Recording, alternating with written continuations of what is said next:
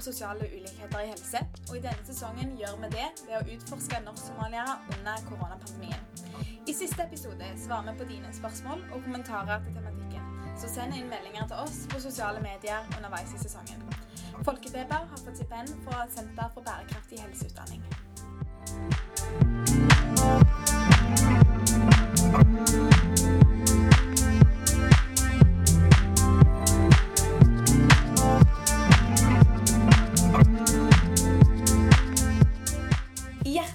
Velkommen til ny episode i Folkefeber.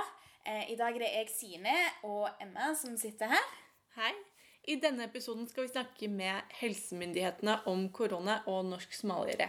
Yes. Og i denne delen så er vi så heldige å få snakke med Irene Teslo, som er bydelsoverlege i Gamle Oslo. Hjertelig velkommen, Irene.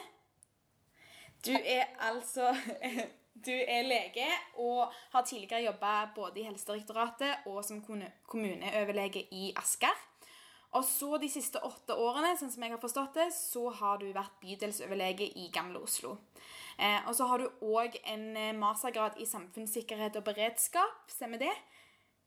Det stemmer. Ja. Kanskje enda viktigere så er jeg barnelege. Enda viktigere så er du barnelege.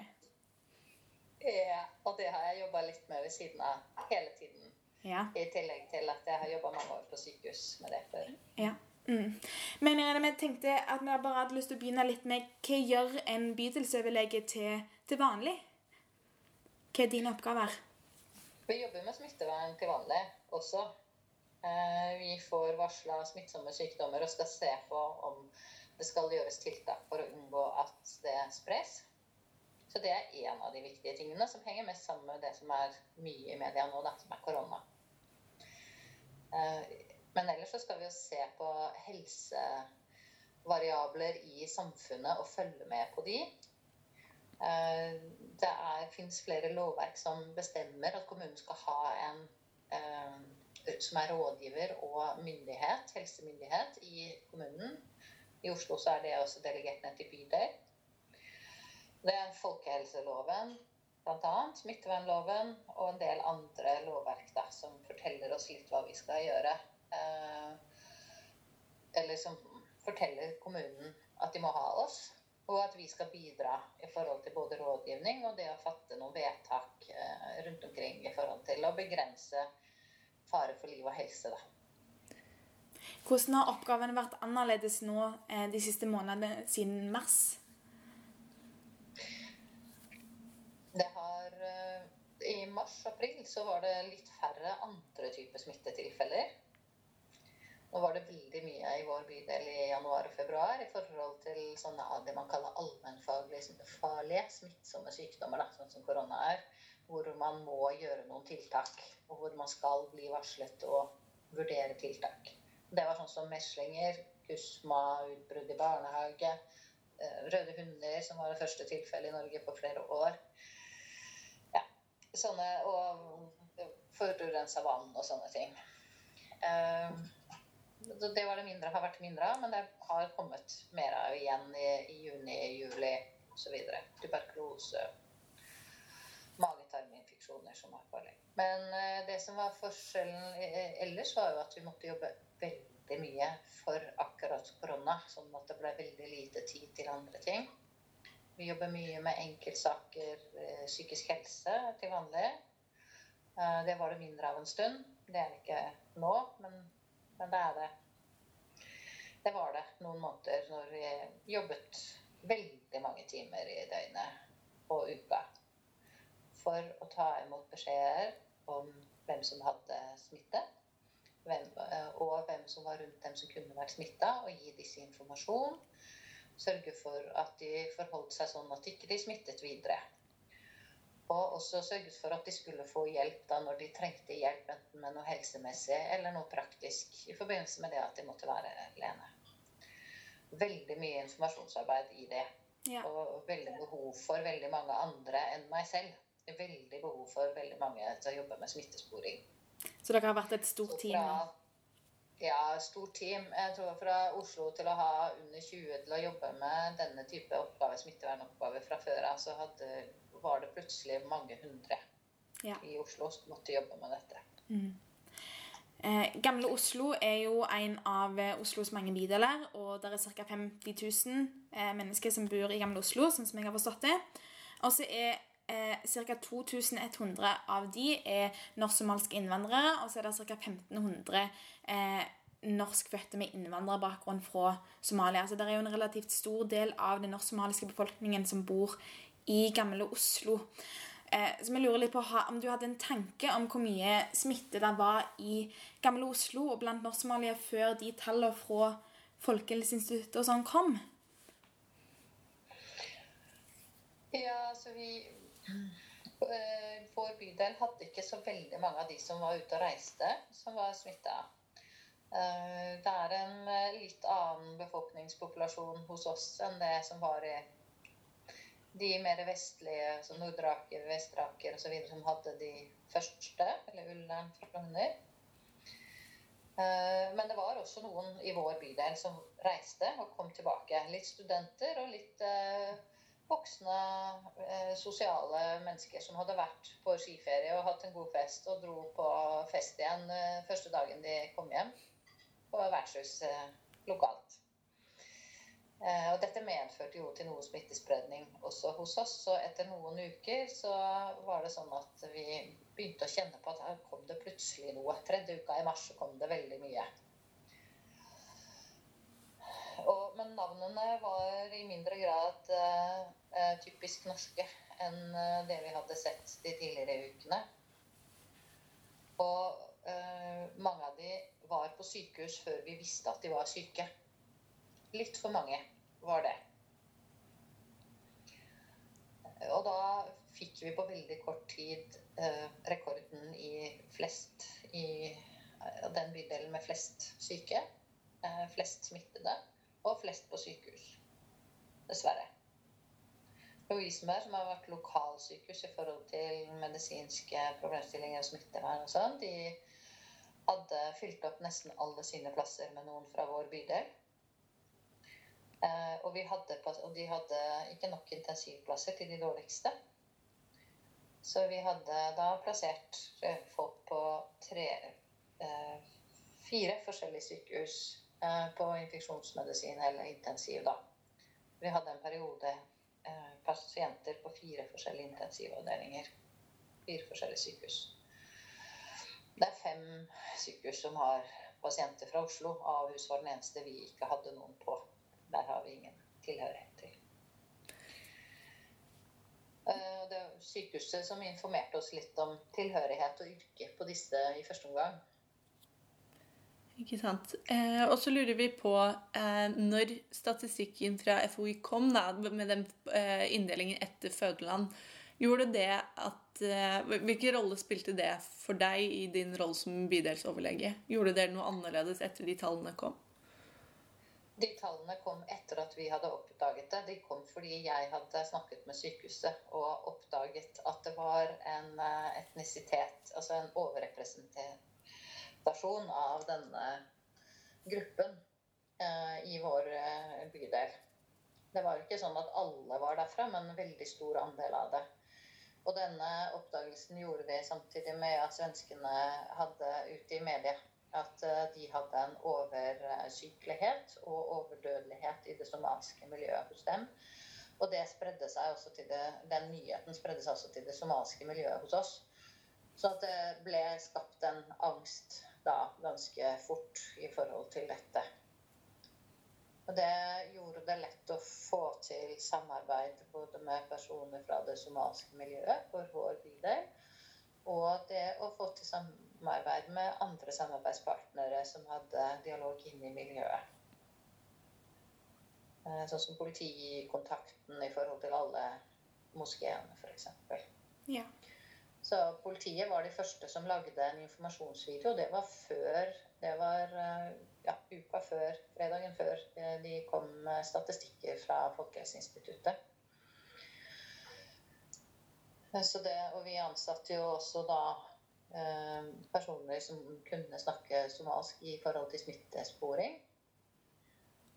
Og så hadde man prøvd med kommunikasjon på samme måte som man gjør med nordmenn, med plakater og informasjonsbrosjyrer og media eh, uka før, uten at jeg kanskje var sikker på at det nådde frem. Sånn at man jobbet parallelt da når vi jobbet med smittesporing og arbeid direkte med de fam med syke familiene eller deres representanter.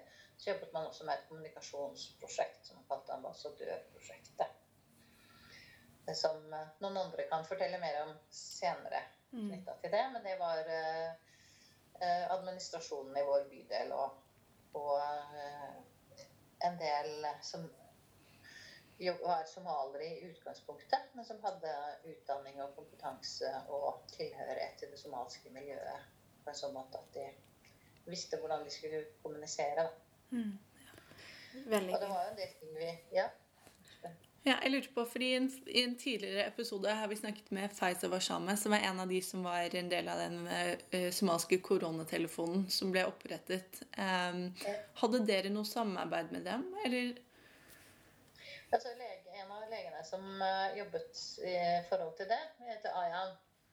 Og hun var en av de som jeg tok kontakt med, og som hjalp oss med å snakke med disse som kunne litt dårligere norsk, og som trengte somalsk lege for å liksom være sikker på at vi nådde frem med informasjonen.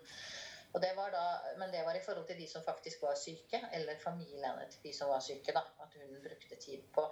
Ikke til, eh, det, det var ikke den delen vi brukte til den generelle befolkningen som trengte å svare på spørsmål. Det gjorde denne telefonen. Eh,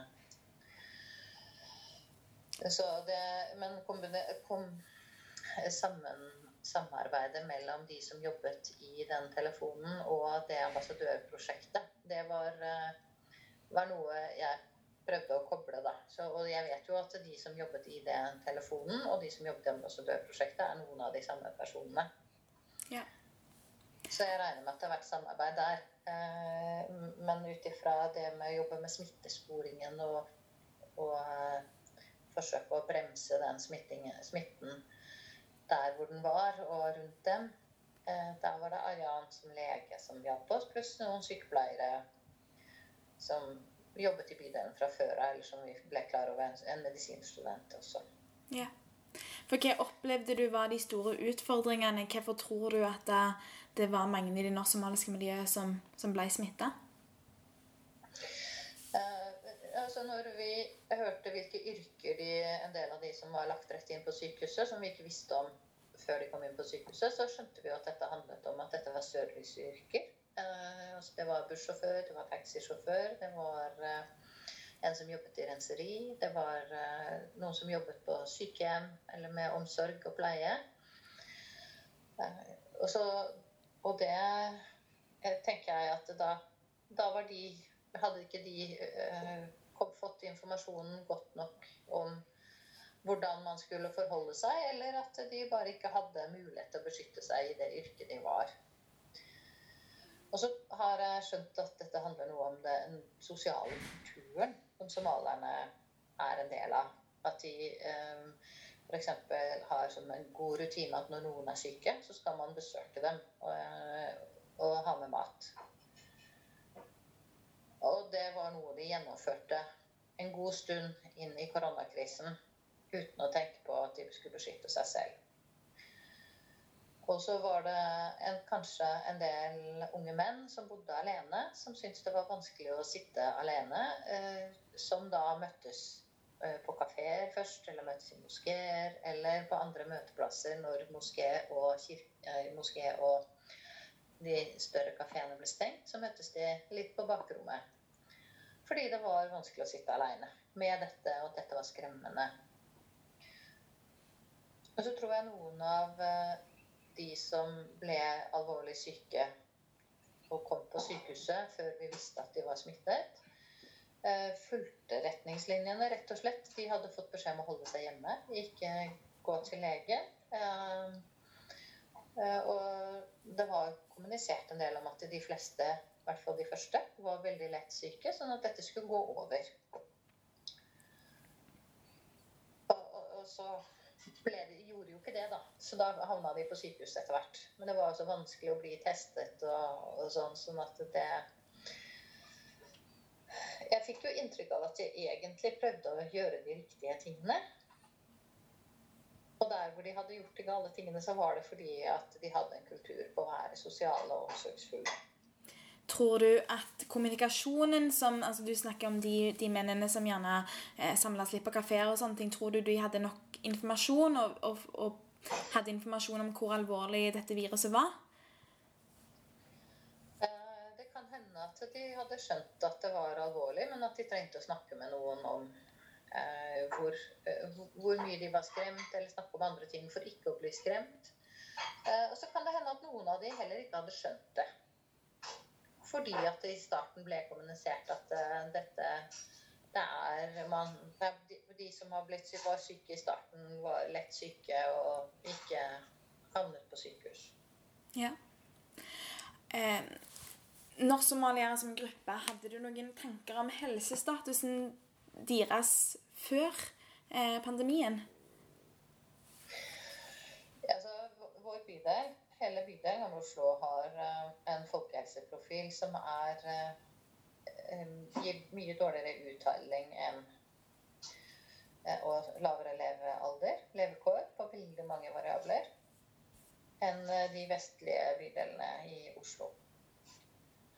Og som gir, altså de ligger, Der hvor vi ligger ti år under gjennomsnittet, så ligger de vestlige bydelene ti år over gjennomsnittet i forhold til gjennomsnittlig levealder. Um, og det har vært en uh, oversykelighet på andre, en del andre faktorer også i det somaliske miljøet. Mange sykdommer og er noen av de med høyt blodtrykk og overvekt og diabetes som har vært noen av risikofaktorene. da. Ja, for vi har funnet eh, litt statistikk fra Folkehelseinstituttet. Og eh, den statistikken som er fra 2017, den viste at norsk-somaliere som gruppe hadde mindre kronisk sykdom enn eh, resten av befolkningen. De lå på ca. 28 eh, med kronisk sykdom mot 34% på, av, den, av den norske befolkningen generelt. Og så sier du jo det som vi også har hørt, at eh, kroniske sykdommer er jo eh, risikofaktorer for å få et mer alvorlig sykdomsforløp. Men har du noen tanker om disse tallene? Altså det du sier er at de hadde mindre kroniske sykdommer enn befolkningen for øvrig Ja. på de tallene. Mm. Det er ikke den informasjonen vi har fått fra de somaliske kvinnegruppene som har vært på friskliv hos oss, hvor det har vært en overrepresentasjon. Og heller, det har jo vært også en gruppe i Sagene, sånn det var, det var heller ikke tallene derfra. Eh, så de tallene der som du refererer til der, har jeg faktisk ikke sett. Nei. Eh, Men det er kjempespennende at du har det. Så det er eh, Fordi at det har jo vært en overhyppighet av D-vitaminmangel f.eks. I alle studier som har vært gjort av denne befolkningsgruppa. Og en overhyppighet av overvekt og diabetes. Tror du at eh, den statistikken den, den, den eh, statistikken du viser til, den kunne jeg godt tenke meg at du sender meg. Eh, fordi det kan være at det er da Det er jo noen? Det var noen variabler som de har skåret dårlig på, som har eh, vært ansett som risikofaktor i denne sykdommen. Og så kan det hende at de har mange færre av andre typer kroniske sykdommer totalt sett. Ja? Det er veldig godt mulig. er, eh, ja. Eh, Så, sånn at eh, hvis det er kroniske sykdommer generelt, eh, så er det Kan det være et annet begrep da, Mm. enn disse sykdommene her, som har økt risikofaktorer. Tror du det kan være andre grunner òg til at man ser at på statistikken at nor- norsk-somaliere har færre kroniske sykdommer enn nordmenn generelt? Nei, dette syns jeg er spennende at dere tar opp, fordi at eh, de folkehelseutfordringene som vi har eh, sett har sammenheng med økt sykelighet og, og dødelighet på korona, er jo de samme som mange statistikker har vist at de har en overhyppighet i forhold til. da. Sånn som D-vitaminmangel, høyt blodtrykk, diabetes og overvekt. Ja. Og, og skjelett muskel-skjelettplager. Ja. Eh, Men så kan det hende at eh, statistikken eh, er feil også. I forhold til færre kroniske sykdommer. I forhold til at de oppsøker lege eh, At det tar lengre tid før de oppsøker lege, og i mindre grad gjør det. Og det har vi jo, når vi snakket om legeplanen i Oslo, så snakket vi med eh, Bydelsmødregruppen. Eh, og de opplever jo ofte at eh, det, altså fastlegesystemet som det er, gir lite rom for at de skal komme frem med sine problemer, og helhetstenkningen mangler, og det blir litt sånn enkeltvis, og så blir det vanskelig. Og så er det dette med tolk kan gjøre det vanskelig, at man bruker familie som tolk osv. Så, videre. så det er, eh, er nok en del eh, eh, Det kan nok være at den statistikken handler om at man har registrert ting litt annerledes enn det virkeligheten er også. Absolutt. Og det er, jo, det er jo det som er med statistikker, at de trenger ikke nødvendigvis gi et helt eh, rett eh, inntrykk av virkeligheten. Men tror du at eh, et problem under pandemien har vært en manglende connection mellom norsk-somaliere som gruppe og den norske helsetjenesten? Fordi han er jo ikke alltid så lett å forstå.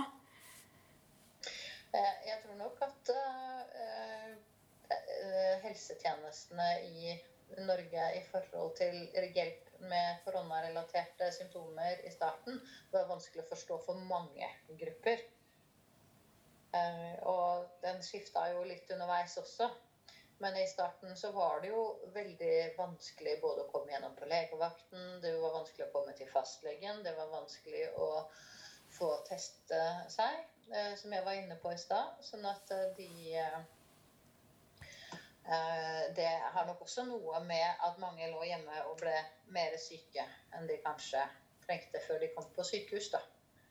For det, selv om man ikke har noe helt konkret medisin til å behandle dette med, så er det mye støttebehandling man kan gi i en start på når det begynner å utvikle seg til alvorlig sykdom. Så hvis man får den støttebehandlingen da, så er det mindre sannsynlig at man utvikler et veldig alvorlig forløp. da, Intensiv behandling. Ja. Men man har også sett noen som har blitt av veldig akutt syke veldig fort. sånn at det er ikke sånn at det alltid er det det gjelder, men eh, noen ganger kan det være det.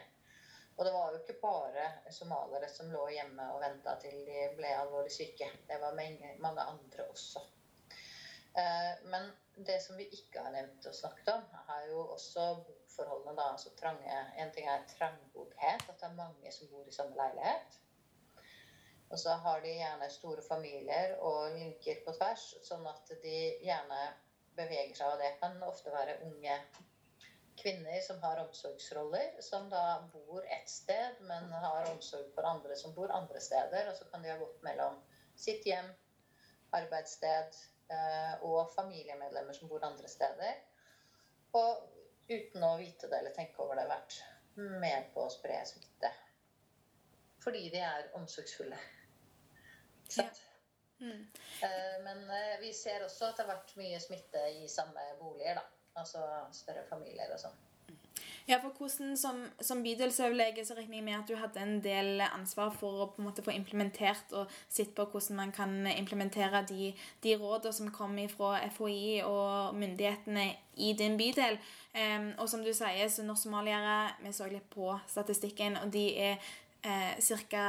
Ja, 40% av norsk-somaliere er eh, trangbodde, mot ca. 20% i Oslo, og 5% av den generelle norske befolkningen er trangbodde. Så det kan jo skape utfordringer. Hvilke tanker har du gjort deg om det?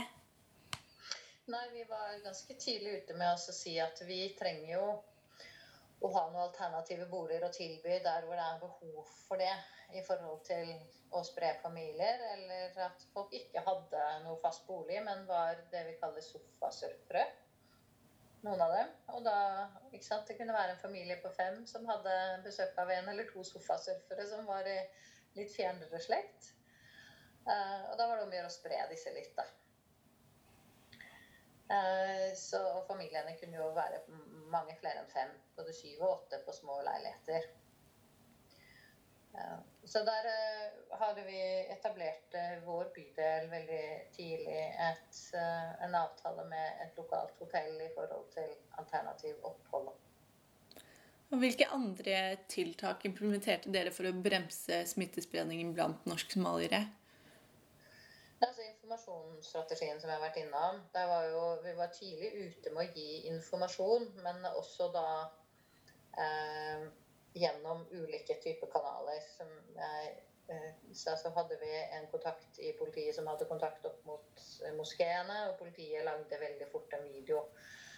Og så Eh, hadde vi kontakt opp mot andre i det somaliske miljøet, hvor da kommunikasjon og andre i ledelsen som også tok ansvaret for å lage det vi kalte ambassadørprosjektet, som de da eh, samarbeidet med muslimer, både muslimer og somaliere selv, da, eh, i forhold til å lage gode eh, informasjonsbrosjyrer eller videoer, enkle, eh, fordi en del av de ikke var Eh, lesekyndig, i hvert fall ikke på norsk, så var det å kunne forklare ting på somalisk med fakter og bevegelser, og at de var flere som viste det i forhold til hverandre, hva som var lurt og ikke lurt. da. Og så hadde vi i forbindelse med ramadan så lagde vi også et skriv hvor vi gikk, informerte eh, moskélederne i forhold til å spre dette, men at dette også eh, Sånn jeg forsto det, at ambassadørprosjektet lagde noe i forhold til det. Så. Ja, og når du ser... Med, med, ramadan så er dette med å, å, gå rundt til hverandre på besøk og dele mat og spise med hendene en av de tingene som de somaliske ansatte hos oss um, mente var viktig å ta fatt på. da, og, og, gi informasjon om hva de nå burde gjøre på en litt annen måte. Um, yeah. Og så hadde vi somaliske ansatte, som sagt, sykepleiere og leger. Ja. Og når du ser tilbake på tiltakene som ble gjort, er det noe du hadde gjort annerledes? Eller noe dere eh, gjerne kunne gjort litt raskere? Helt sikkert noe vi kunne ha gjort uh, raskere hvis det, vi hadde Altså, poenget var å bli klar over det. Så vi begynte å handle første dagen altså Jeg ble klar over hva, at det var mange somaliere som lå på sykehuset torsdag kveld. Og fredag morgen så hadde vi spredd dette til moskeer, eh, kafeer. Politiet hadde hjulpet til med å informere, stenge, lage video. Eh, og vi ansatte folk. Eh, vi, hadde vi vært klar over at det var denne overrepresentasjonen blant somalere en uke før, så hadde vi vel starta de samme tiltakene noe før. Men Kanskje ikke like fort. fordi at eh, når vi oppdaget dette, så var det jo samtidig med at det kom i media at det i Sverige var en overhyppighet, oversykelighet og overdødelighet. Så den kombinasjonen at det nådde det somaliske miljøet, og at vi oppdaget en oversykelighet også i vår bydel, og over, hyppighet av smitte, gjorde at vi da handla, begynte å handle raskt. Hvis vi bare hadde visst at det var en økt forekomst en uke før, så hadde vi nok jobba litt langsommere enn det vi gjorde når vi samtidig fikk den litt dramatiske beskjeden fra Sverige. da. Ja. Ja, for... På det tidspunktet vi ikke, visste vi ikke om noe dødsfall. Nei. Nei. Nei for men det kom noen etter hvert, da. Det er ikke mange, men noen. Noen kommet, ja. Mm. For, for, mediene har jo hatt en viktig rolle under pandemien. Og det har jo vært en del oppslag om norsk-somaliere og smitte. Har du gjort deg noen tanker rundt de oppslagene i Norge òg? Selvfølgelig. Altså, det var jo en vanskelig balansegang i forhold til om dette skulle ut i media eller ikke. Uh, I forhold til vi ikke ønsket å stemple noen gruppe. altså Sånn at ingen opplevde seg stempla, men samtidig opplevde at vi tok på alvor at det var en oversykelighet og en, i Sverige en overdødelighet da, i dette miljøet. Eh, og det, det, er vanskelig å holde skjult i norsk eh, samfunnet at man setter inn en ekstra innsats mot et miljø uten at det kommer ut i media.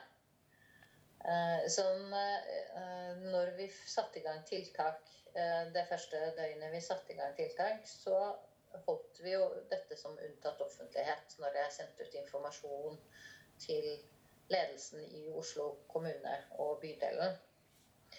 Og til Folkehelseinstituttet. Og det var etter at jeg sendte ut den informasjonen at vi ba Folkehelseinstituttet om å gi oss statistikk på etnisitet.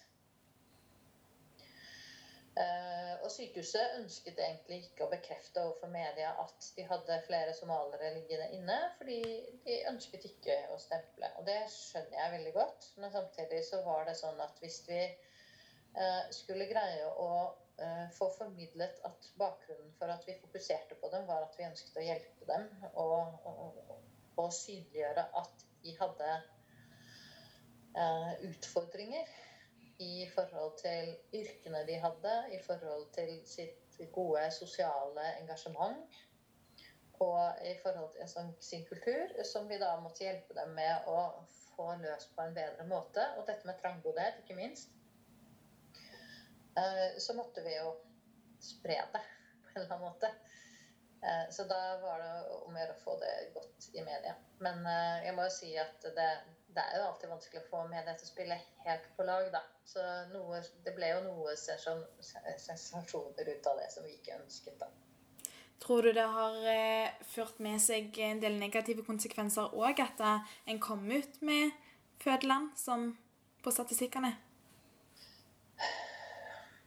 Ikke som, eh, ikke som overveier eh, fordelene akkurat der og da. Eh, men så har det jo blitt veldig fokus på dette med statistikk og fødeland etterpå. Eh, som jeg kanskje syns er litt overdrevet, da.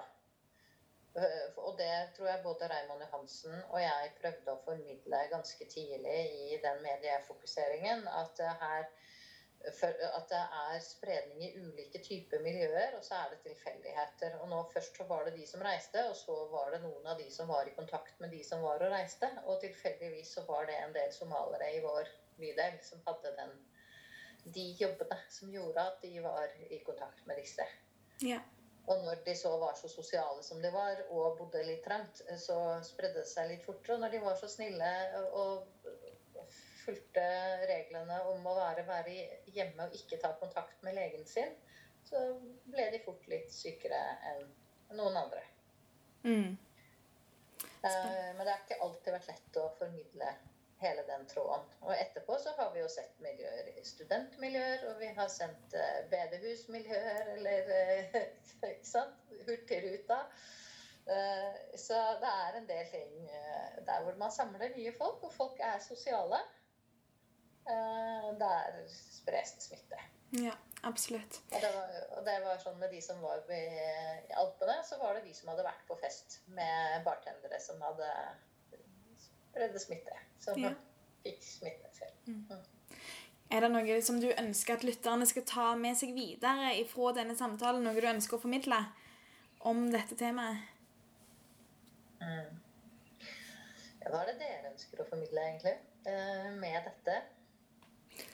Ja, altså Vår intensjon har vært um, å forsøke å belyse problemstillingen fra mange ulike vinkler. Så vi har jo hatt uh, episode med en norsk somalier som ble smittet. Vi har uh, en episode med uh, Fredrik Solang og medie, episode med Marianne Borgin. Og i denne episoden så tenkte vi det var viktig å få frem um, litt, altså myndigheter, men litt nærmere bakken. Hva, hva, måte, hva, var det første som skjedde? Det var veldig spennende å høre om dette med ja. politiet og moskeene, og hva, hva beslutningen som ble, ble gjort eh, på måte, i øyeblikket, og hvordan det har spilt ut senere.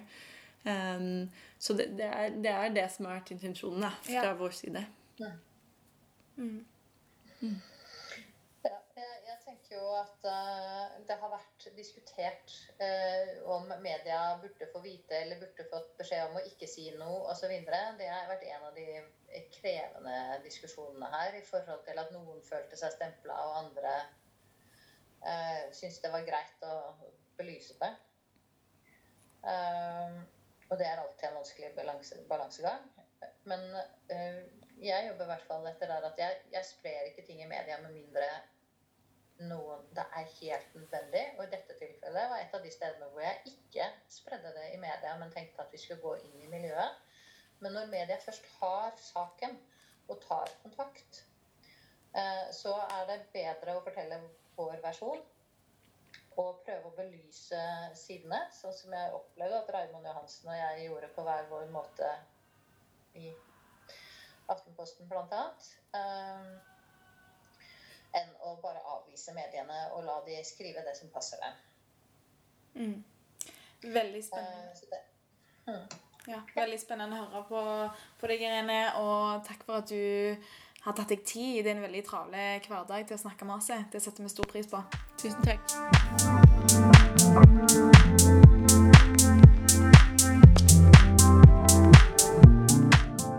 Det var Irene Teslo. Eh, har virkelig stått oppi det. Ja, virker som det har vært en veldig, veldig travel periode. Ja. Um, det er jo interessant å få høre fra eh, lokale helsemyndigheter. Ja. Eh, hun satt jo veldig tett på både informasjon og beslutninger. Um, og det nyeste her i denne episoden var kanskje dette med eh, at selv før statistikken fra FHI kom, så hadde de involvert bl.a. politiet. Ja. Og snakket litt om både kafeer eh, i området og bakrom og sånne ting. Det er noe som vi ikke har snakket eh, så mye om tidligere. Hvor stor rolle hadde det eh, i pandemien? Og det at måten eh, den overrepresentativiteten av norsk-somaliere kom fram, var at de var innlagt på sykehuset. Eh, Ja, i sånn forkant. Ja. Mm. Det. Det jeg lurer på, eller det jeg er redd for eh, i podkasten, er at alt dette er fortsatt det er synsing. Det er noen ting vi har talt på. Ja, som norske malere bor trangere. Eller mange jobber i eh, servicebransjen. Men når man begynner å snakke om disse enkelttilfeller med eh, enslige menn på kafeer eh, Hvor stor andel var det egentlig? Jeg skal Ja. ikke si at det ikke er relevant, men, men før man vet egentlig hvor stor rolle det har spilt, så kan det også være en ting som ikke nødvendigvis er farlig, men kan på en måte lede til at man trekker beslutninger. Ja. Um, og jeg er redd for at man i en slik podkast kan, kan, kan la synsing stå uten at man på en måte har bekreftet eller avkreftet det. Fordi det, det. det kommer jo senere i løpet. Ja, Det ja, er for tidlig å si, men Ja. ja, og det blir spennende å se hva er det som egentlig har stått som liksom, hovedpilaren av liksom, alt denne smittespredninga. Ehm, og, og liksom de tiltakene som en gjorde, sant, var det riktig å involvere politiet? Um, hvordan, hvordan forholder man seg til det? Um, og dette her med man, hvordan man angriper denne trangboddheten og smitter familiemedlemmer. Um, ja, hvor mye har det hatt å si i det store og det hele? Og, og hvor viktig var f.eks. det å bruke et hotell for å kunne innkvartere folk der? Og hvem er det som har innlagt? Altså, var det eldre? Var det yngre norskmalere? Var det menn? Var det kvinner? Jeg tror alt dette kan gi litt mer eh, informasjon og, og kanskje tyngde til disse argumentene. Da. Fordi alt vi presenterer nå, er, er tankeganger. Ja. Um, og inntil man får bevist noe, så, så må man på en måte belage seg på at det, det er det det er. Um, det er eh, forslag. Det er forslag. Mm, absolutt. Så det er, altså, Jeg husker eh, da de skrev om at de stengte kafeene på Grønland og moskeene. Det husker jeg Ja, og det var kanskje noe av eh, det første som Altså når informasjonen nådde meg, eh, var da de gjorde disse tingene. Det er jo eh, veldig konkrete tiltak som, som er rettet mot en spesiell gruppe. Ja. På, på annet nivå enn veldig mange av de andre statlige tiltakene. Stemmer det. Um, Og det kommer veldig fort fram i media. Eh, blir veldig sånn tydelig i mediebildet fordi at det er noe som skaper klikk. Ja, Ofte. og det, det betyr ikke at altså, Det kan jo hende at de, de tiltakene var kjempeviktige. Ja. Um, men eh, det, det fremmer jo et bilde av at smittespredning i denne gruppen var blant menn på kafeer. Ja. Og det har vi jo snakket om litt tidligere, at det har kommet mye frem. Så, altså hvordan, hvordan man skal forholde seg til dette, hvordan man skal formulere seg riktig, hvordan man skal presentere informasjon, hvordan man skal diskutere temaet uten å la eh, forventningene og bias man har, eh, påvirke den diskusjonen. Eh, det vet jeg ikke, men jeg håper at vi klarer å prøve oss litt frem Ja. eh, i denne podkasten. Ja, absolutt. Mm. Takk for at du hørte på. Eh, vi gleder oss til neste episode. Ha det bra. Thank you.